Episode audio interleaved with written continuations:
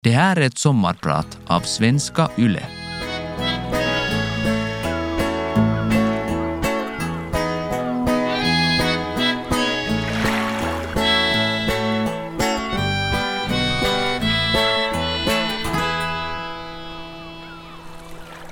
Jag hade en gång en hamster, men det var för länge sedan. Det var en vit och brun liten varelse som inte gjorde något väsen av sig. Jag gjorde så den dog och min skam var stor. Det är ganska mycket jag skäms över. Saker jag gjort och saker jag låtit bli att göra. Jag kommer från en liten by som funnits sedan 1500-talet. Där har mina jordbrukande förfäder slitit för att överleva och byggt långa stenmurar som nu täcks av renlav och mossa. Jag undrar om de någonsin stannade upp och tänkte att de gjorde något vackert. Det har funnits både skola och butik i byn.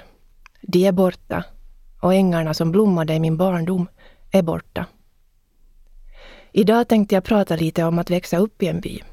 Om att inte alltid riktigt förstå vad som är sunt förnuft eller om det alltid faktiskt är det enda rättesnöret. Om hur brutala vi kan vara mot varandra, mot landsbygden och mot djur. Om skam och alla djur jag har begravt under stora granar eller i soporna. Om att ha ett språk och sakna ett annat, ett grundspråk. Jag heter Sofie Starra. Av mig blev det ordbrukare, journalist och humanist. Idag är jag din sommarpratare. Jag önskar jag hade ett språk. Jag pratar varken muminsvenska eller en rejäl dialekt. Jag har varit dödligt avundsjuk på mina kusiner i Sverige som pratar som rinnande vatten, så lätt och så säkra på allt. Mitt språk är kantigt och får mig att låta som någon osäker och vag. Jag försöker låta som Stina Ekblad, men det går inte så bra. Det är bara när jag skriver som jag har mitt språk. När jag skriver kan jag göra och låta som jag vill. När jag skriver får jag lättare syn på en verklighet. När jag skriver får jag allt omkring mig och i mig att forma sig till något jag kan förstå. Eller något jag inte visste att jag hela tiden hade förstått.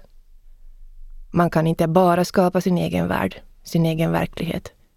Men det kan också vara ett sätt att hantera det som är dåligt och skäms inom oss. Det där som vill glida undan. Ibland blir det tydligt att jag inte har en egen dialekt att stå stadigt rotad i. Som när jag ska intervjua Anna Maria Helsing, dirigenten, inför publik. Hon vill prata dialekt. Det ska väl jag också, tänker jag. Vi kommer ju båda från österbottniska små byar. Men det är länge sedan jag bodde i min by och jag var omgiven av många olika dialekter. Jag har glömt. Jag hittar inte de rätta orden, den rätta rytmen. Det är som att gå med högklackade skor.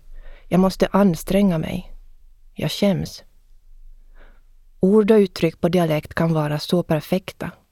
Det här nandis, frissamt, häjöutas, domfiri, pappdin, frusipikkorna, kaplasi, kryklu, jone hedenandis.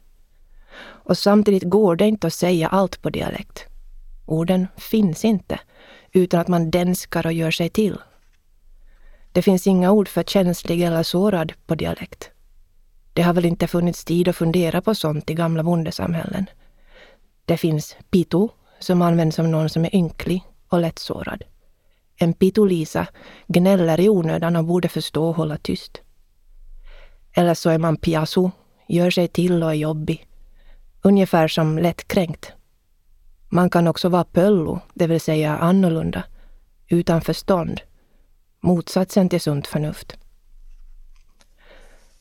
Min by var stark på 1980-talet. Det fanns pengar i jordbruket och pälsnäringen och bybutikerna. Man kunde få 900 mark för ett rävskinn. Kalla kriget och orosmolnen var avlägsna. Det fanns en framtidstro. Den förmörkades bara en stund när mamma slet mig och min bror ur sandlådan en vårdag 1986. Där ligger fortfarande en gammal leksakstraktor som en gång var röd. Tjernobyltraktorn. Mamma vill att den ska ligga där. Mina barn får inte ta den. Riktigt varför har jag inte förstått, men vi människor har ju svårt att förstå varandra. Det kan ha något med tacksamhet att göra, att inte ta något för givet. En påminnelse om Att man har varit med om någonting dramatiskt som har skrämt upp en ordentligt. Någonting som fått ramarna runt livet att gå sönder. Krig, Tjernobyl, cancer, konkurser, corona. Det är då man längtar som mest efter den grå vardagen. Det är då man kan se hur den egentligen skimrar i alla färger. Vardag är att inte vara rädd. Det var fint att vara barn i byn.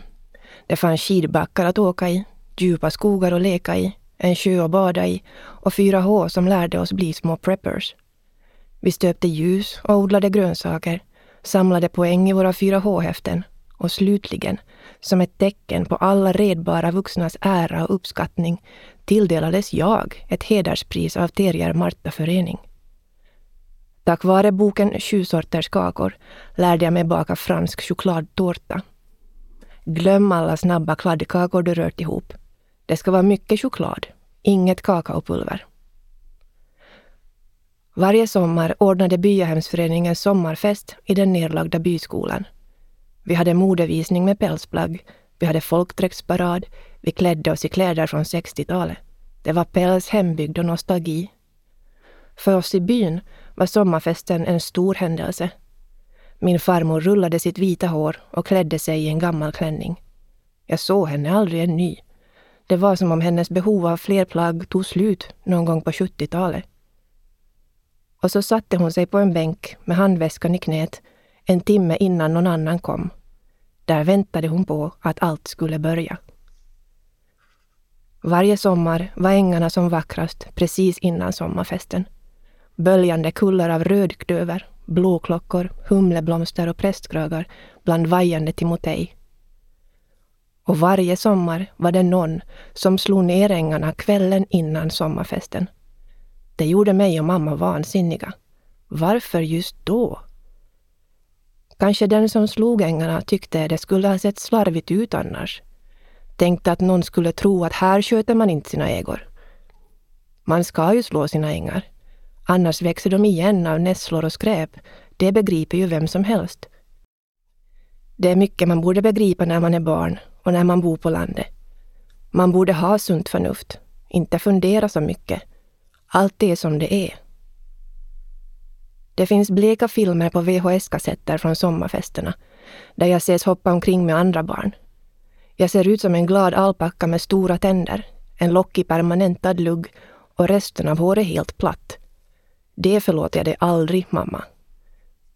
Men hur jag låter hörs inte. Pratar jag terrierdialekt? Det som hörs är musiken. Countrysångerskor med gitarr och fluffiga hår. En dansorkester spelar och de trygga basgångarna färdas långt över de mjuka kullarna genom sommarnatten som aldrig blir mörk. Över de nyslagna ängarna där blommorna ligger platta och vissnande. Jag sitter hemma på verandan och lyssnar, underligt glad trots att mitt hår är fluffigt bara mitt på huvudet och jag är ensam. Jag känner mig både närvarande och längtansfull. Jag väntar på att allt ska börja.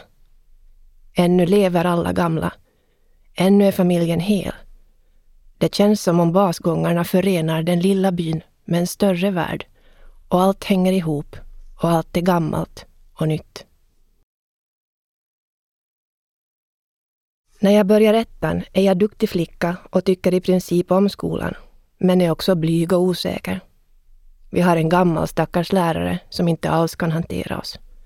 Ni är små jävlar, skriker hon med en röst som brister och blir utskrattad. Jag blir alldeles utmattad av all mental villervalla som skolmiljön innebär.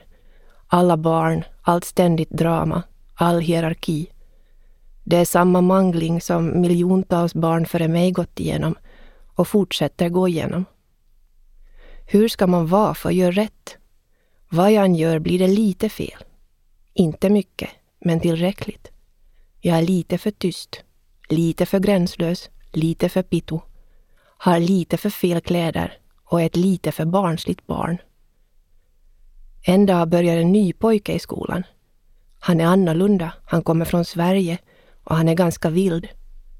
Jag ser hur de retar honom, håller fast honom, drar ner hans byxor och kastar honom i vassa buskar. bland annat. Det är en enda kamp. När skoltaxin kör hem oss som bor längre bort sitter han i samma minibuss. Det är varmt, luften är kvav av kroppar, konflikter och leda. Chauffören längst fram är ett tigande berg, långt från oss barn. Kampen fortsätter. Nu är det den svenska pojkens tur. Han sparkar oss, river oss i håret och är allmänt odräglig. Han hånar mig för att jag börjar gråta en gång, men jag säger att det är för att jag fick grus i ögonen. Inte var pito. Jag är så trött på hela situationen. Att vara instängd i den trånga minibussen med förskrämda, fega och arga barn och en pojke som är en vibrerande härva av växande hat. Det är inte alltid bråkigt.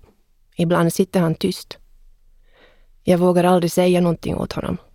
Jag vet inte hur han skulle reagera. Jag är trött på att bli sparkad i ansiktet. Många år senare tänker jag på vad som kunde ha hänt om jag någon gång gjort det otänkbara. Om jag frågat om han vill stiga av tillsammans och komma hem till mig.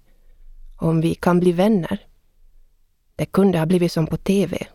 Som i Den vita stenen. Men så blev det aldrig.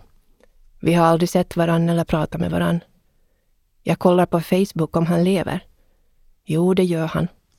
Han är tillbaka i Sverige. Jag förstår honom. Han gillar sidor som Förbjud tiggeriet, Grabbhumor och Nej tack till synagogor i Sverige. Han har gått med i Soldiers of Odin.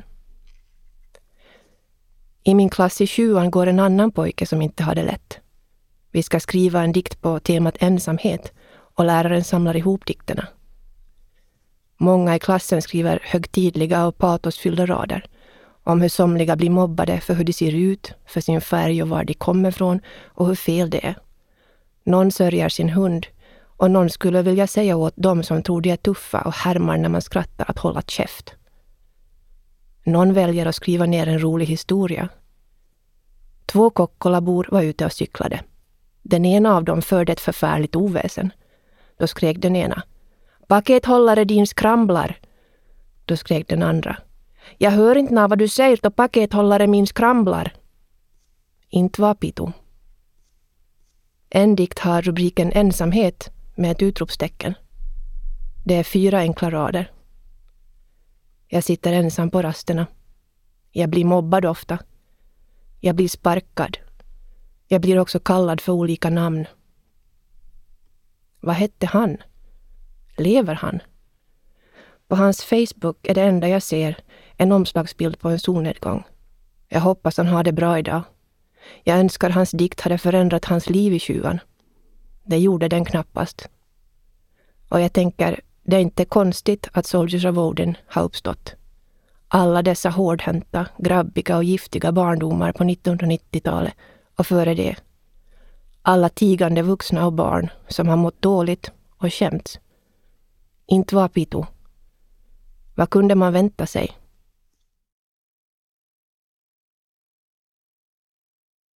Jag heter Sofie Stara. Jag är 40 år och har jobbat som journalist mer än halva mitt liv. Efter studenten fick jag jobba på Jakobstads tidning. Livet hade börjat. Världen växte. Den första sommaren fick jag intervjua Thomas Di Leva. Han skulle uppträda i Jakobstad för första gången i Finland. Det blev ett av mina första möten med någon som verkligen, utan att skämmas, skilde sig från min pragmatiska och jordnära omgivning. Han gled ljudlöst upp bredvid mig. En man med mörkt lockigt hår, lila kaftan och mild röst. Han ville äta vegetariskt och det han serverades var sallad, knäckebröd och potatis. Jag tyckte det var fruktansvärt pinsamt, men han åt, fortfarande milt, potatisen som halkade runt på tallriken medan vi pratade. I samma tidning som min intervju publicerades fanns en insändare av Filip Teir som gick i gymnasiet. Han undrade varför vegetarianer serverar samma sak nästan varje dag i skolan. Varför grönsaksbiffarna dränks i animaliska fetter. Många människors hjärtan skulle må bättre av vegetarisk kost, skrev han. Dessutom skulle ett par djur mindre behöva lida i onödan. Det kom inga svar. Det var ingen som höll med eller tyckte de behövde tillrättavisa den idealistiska tonåringen. Idag är frågan betydligt mer brännande och tonåringar får betydligt mer svar på tal. Jag började också tänka på mitt köttätande i tonåren. Jag har varit vegetarian i perioder, flexitarian i andra. Jag har gjort julsillen av aubergine och tyckte det blev gott. Eh, det tyckte ingen annan. När jag var barn var jag omgiven av djur. Kor, kalvar, rävar, hästar, katter, hundar, kaniner. En gång fick jag en hamster. Jag var kring sju år och hade ingen aning om hur jag skulle ta hand om honom. Han var liten och osällskaplig, sprang runt i sitt hjul och sprätte i spånet och tidningspappret. Det började snabbt lukta illa. Jag hann inte ha honom länge. En dag var den lilla hamstern död och jag är ganska säker på att det var för att jag matat honom med Mariekex. Han lades till sin eviga vila under en stor gran med ett litet träkors på sin grav. Under granarna grävde jag också ner mina kaniner vartefter de dog. Det blev väldigt många kaniner av de två jag fick först. Det kan inte ha varit så många gånger, men det känns som att det här hände hela tiden. Jag öppnar taket till deras lilla hus i buren och hittar en slemmig hög av nakna, kära små kroppar. Döda och dränkta av vatten som sipprat in. En del av kaninungarna som överlevde sålde jag. Andra behöll jag och de fick leva sina liv i rävburar och lyor som vi kommit över. Idag gör det mig ont att tänka på alla kaniner som sitter ute i sina burar. Alla kalla vinternätter och dagar utan något att göra. Alla hundar som står bundna eller i burar, dag ut och dag in. All denna tristess. Djur som vi liksom sätter på paus, på våra villkor. Djur som bara kan bida sin tid tills vi gör något med dem. Mina barn längtar efter djur, men jag har blivit allergisk. De tjatar och hoppas och föreslår en ödla. Jag går till en djuraffär och tittar på en ödla. En liten slät rödaktig figur som stirrar stelt på något i sin glaslåda. Nej, jag kan inte ha en ödla heller. Jag kan inte ha en ödla i en låda hemma hos oss. Ensam så gott som hela tiden i sin lilla värld. Antagligen skulle den också lyckas ta sig ut, försvinna i vårt stora hus och småningom hittas någonstans, förskrumpnad och svartnad. Som vi hittar gamla morotsstavar här och där. Jag står inte ut med dåligt samvete över fler djur. Det finns fler. Det fanns en katt som ofta var full med variga bölder efter alla slagsmål eftersom han inte blev kastrerad eftersom man inte kastrerade katter. Man dängde en säck med pipande kattungar i väggen istället. Det fanns en hund som dog i min famn efter att han var i hängen när jag kom från skolan. Men han togs inte till veterinär fast jag bönade och bad för det gjorde man inte. Jag känner en allt större ödmjukhet inför djur. Det finns inga ord för ödmjukhet på dialekt.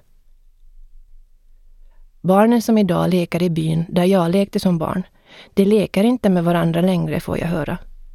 Barnen får inte gå över vägen som vi gjorde, säger de. Men varför? frågar jag. Hur är det möjligt? Det är en liten byväg. Den kan inte vara farlig. Det är inte som när du var barn, säger de. Bilarna och traktorerna är mycket större nu och de kör mycket fortare. De har så bråttom. Men alltså, säger jag, alla vet ju vem det är som kör. Det går väl att prata med dem, säga att de måste sakta ner genom byn. Barnen måste ju kunna röra sig tryggt. Nej, säger de. Inte går det att tala med dem. Nästan alla känner en stark avsky när djur lider. Men nästan alla, snälla och empatiska människor, går också med på att vi stänger in och avlivar dem på löpande band. För att vi tycker de är söta, tjänar pengar på dem eller vill äta dem billigt. Varje år slaktas över 60 miljarder djur i världen. En del anser att det här är brutalt barbari som vi måste sluta med, men nästan alla går med på det. Nästan ingen tycker om det, men nästan alla går med på konventionell djurproduktion.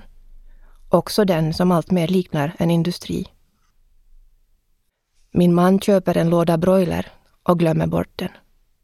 Jag vet inte om den och hittar den i kylskåpet för sent. De illaluktande filéerna är släta och blanka. Jag häller ut de dallrande kycklingbitarna. De glider ner i soppåsen. Ploff. Jag skäms. Jag skulle inte känna skam om det här var i sin ordning. Men det är det inte. Det är fel på så många sätt. Vårt slarv och överflöd, dumpade priser, djur som levt bara för att slaktas och slängas i soporna. Att tänka på hur djuren vi köper i förpackningar och lägger på vår tallrik egentligen haft det är inte särskilt trevligt. Vi vill ha trevligt. Vi drar en gräns mellan djurskydd och djurrätt. För att prata om djurrätt ger inte människor samma fördelar. I Finland var det länge tillåtet att kastrera sju dagar gamla smågrisar utan bedövning. När jag ser hur smågrisar kastreras tänker jag på alla gånger jag bytt blöja på mina spädbarn. De läggs på rygg, deras ben trycks bakåt, en ljusrosa liten rumpa blottas. Händer i handskar trycker sprutor i smågrisarna, snittar dem snabbt och lägger tillbaks dem bland sina bröder. Förr trodde man att spädbarn inte heller kände smärta. Ända in på 1980-talet opererades nyfödda med bara lite smärtlindring, eller ingen alls. Man trodde deras skrik var reflexer och att de inte tog någon skada av smärta. Jag var spädbarn under den tiden. Jag känner en ömhet för de små vimmelkantiga grisarna. Och det tror jag alla gör. Jag tror faktiskt att de som hanterar kultingarna känner en ömhet och vill dem väl. Allt fler börjar befria diande suggor från de trånga häckar som är lagliga, men som de inte kan röra sig i. Någonstans blev det så fel. Vi vill ha mer och mer kött och ägg och mjölk och fisk, men vi vill inte betala mer. De som har djuren måste producera mer och mer för att det överhuvudtaget ska löna sig.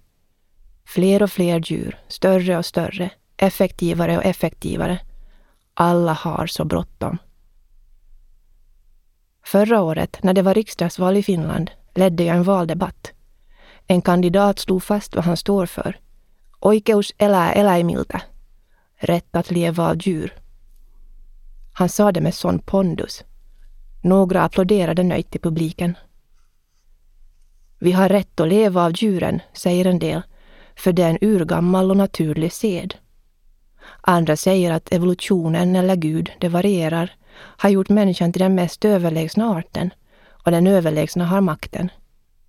Bara människor har ett egenvärde, säger antropocentriker. En del provoceras av människor som tycker vi borde äta mindre kött och ta större hänsyn till djuren. Det anses hota hela systemet. Och det gör det ju i och för sig. Men är det ett bra system? Bönder slits ut, djur stängs in, biotoper utarmas. Slaveriet försvarades också med att det är oersättligt, den enda möjliga ordningen och ett nödvändigt ont. Brittiska slaverimotståndare skapade en kampanj mot socker som framställdes av slavar. De delade ut flygblad som uppmanade människor att inte köpa socker från Västindien. Kampanjen lyckades och sockerkonsumtionen minskade. Då gick slaverilobbyn till motattack. Man betalade författare för att skriva positivt om socker och varnade för att bojkotten kunde vara farlig. Många har skadat sin hälsa genom att avstå från socker, hävdade man. Det låter bekant. Jag vill inte låta en ödla torka bort i vårt hus. Och i vårt kylskåp hittar man aldrig mer billig broiler. Jag vill inte ha en kanin på gården eller en hund jag inte har tid med. Och jag äter inte kött av djur som hållits instängda. Gör det här mig till en extrem och naiv pitolisa? Jag tror den här diskussionen bara har börjat, vare sig man gillar den eller inte. Jag vet att en del tycker jag både pitu, piasu och pöllu. Men jag är inte den enda. Redan på 1700-talet skrev filosofen Jeremy Bentham Den tid ska komma när medkänslan utbreder sitt täcke överallt som andas. Vi har börjat med att ta oss an slavars villkor. Vi ska avsluta med att mildra alla djurens. Sedan dess har mycket hänt. Och det har bara gått lite mer än 20 år sedan Thomas Di Leva fick äta knäckebröd och potatis. Idag låter det absurt. Jag undrar om Oikeus elää eläimiltä kommer att låta absurt någon gång.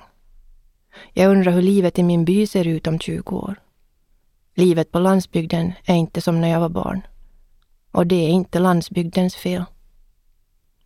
Kommer det att finnas djurfabriker som är tre våningar höga? Eller kommer det att finnas fler ekologiska gårdar?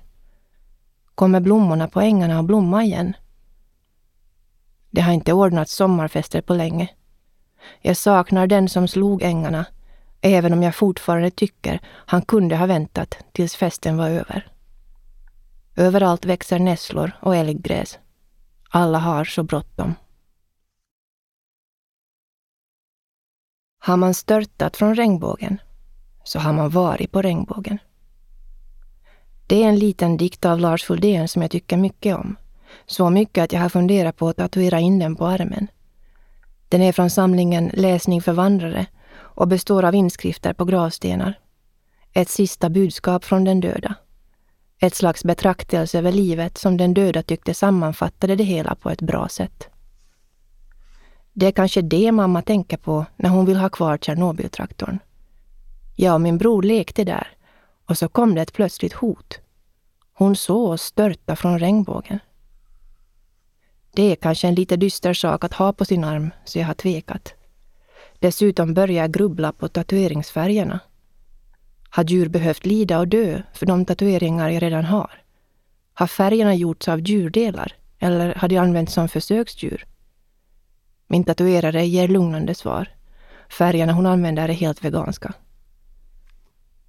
Min allra första tatuering, som knappast var vegansk, har jag tagit bort med laser. När jag tog den var jag en vilsen, arg och ledsen 16-åring. Allt var skit. Allt föll sönder. Min första pojkvän sa att han ofta tänkte på att ta livet av sig. Jag hade hört att sådana som säger att de ska göra det aldrig gör det. Han gjorde det. Jag kändes. Jag lyssnade mycket på Eva Dahlgren och sången Blackheart. Jag blev besatt av att ha en tatuering. Att bära på ett tecken som andra kunde tyda. Om de bara ville. Om de bara kunde se. För jag kunde inte säga. Jag ritade den själv, ett svart hjärta såklart. Jag drog in min omsorgsfullt bearbetade och uppgivna mor till en tatuerare i Kokkola och skulle ha en tatuering på magen. Väl där ändrade jag mig och ville ha den på halsen istället. Så tatueraren ritade upp den, greppade sin nål och tatuerade mig. Jag minns att jag blev lite osäker när jag såg ölflaskorna i rummet och inte fick några råd om hur jag skulle sköta tatueringen. Tack och lov läkte den bra. Sen glömde jag bort den och blev småningom allt mer störd på den. Varför hade jag ett svart hjärta på halsen? Jag var inte vilsen, arg och ledsen längre. Inte lika ofta i alla fall. Så jag tog bort den och det syns ingenting. Istället gjorde jag en ny, betydligt större och färggrannare. Det finns en historia bakom den också. När vi väntade vårt andra barn köpte vi vårt hus. Det första jag planterade var ett familjeäppelträd. Tillsammans med vårt första barn som var två år utforskade vi gården. Bredvid oss trippade en rödhake. Den följde efter oss och var nyfiken. Den var underbar. Och allt var underbart. En tid senare föddes lillebror. Vi hann sjunka in i den mjuka babybubblan några timmar. Vi tog foton, la ut på Facebook, skämtade om tvåbarnschocken. Sen märkte de att han inte mådde som han skulle. Det var något konstigt med hans hjärta. De tog honom ifrån mig. Den första natten som tvåbarnsmamma var den ensammaste i mitt liv. Jag hade ont efter kejsarsnittet. Jag satt fast i en kateter och kunde inte röra mig. Det var kallt i rummet och jag frös. Och jag hade inte mitt barn. Jag visste inte vad som var fel. Tidigare på kvällen hade jag rullats upp på en bår till honom. Jag satt länge med det lilla knytet som var så lätt i min famn. Tårar bara rann och rann och rann ur mig. Jag ville inte släppa honom. Det gick några dagar och han verkade må bra, men vi skickades till Vasa för säkerhets skull. För en kontroll som blev en mardröm. En läkare som rynkade ögonbrynen och sa ord som arytmi och kritiskt tillstånd och intensivövervakningen för nyfödda. Jag stod i duschen på sjukhuset och hyperventilerade. Varje gång en läkare sa något grät jag så jag inte kunde tala. Han var intrasslad i slangar som gjorde det svårt att hålla honom. Det vi kallade en helvetesmaskin registrerade hans hjärtslag. Den tjöt och blinkade takykardia varje gång han blev orolig. Ni vet hur livet är fullt av märkliga sammanträffanden. Strax innan han föddes hade jag läst en antologi om sorg och blivit berörd av Maria Turchaninovs berättelse i den.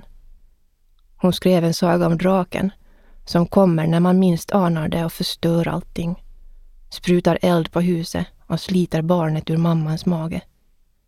Sagan övergår i en verklig sorg efter ett barn som inte fick leva. När jag oroade mig för vårt barn tänkte jag på en sak som hände dagarna innan han föddes. Hans storebror tittade plötsligt på mig och viskade Draken kommer. En kväll gick jag ut och såg solens sista strålar i vattnet bakom sjukhuset. Det är vackrast när det skymmer, tänkte jag, men det ser också ut som eld.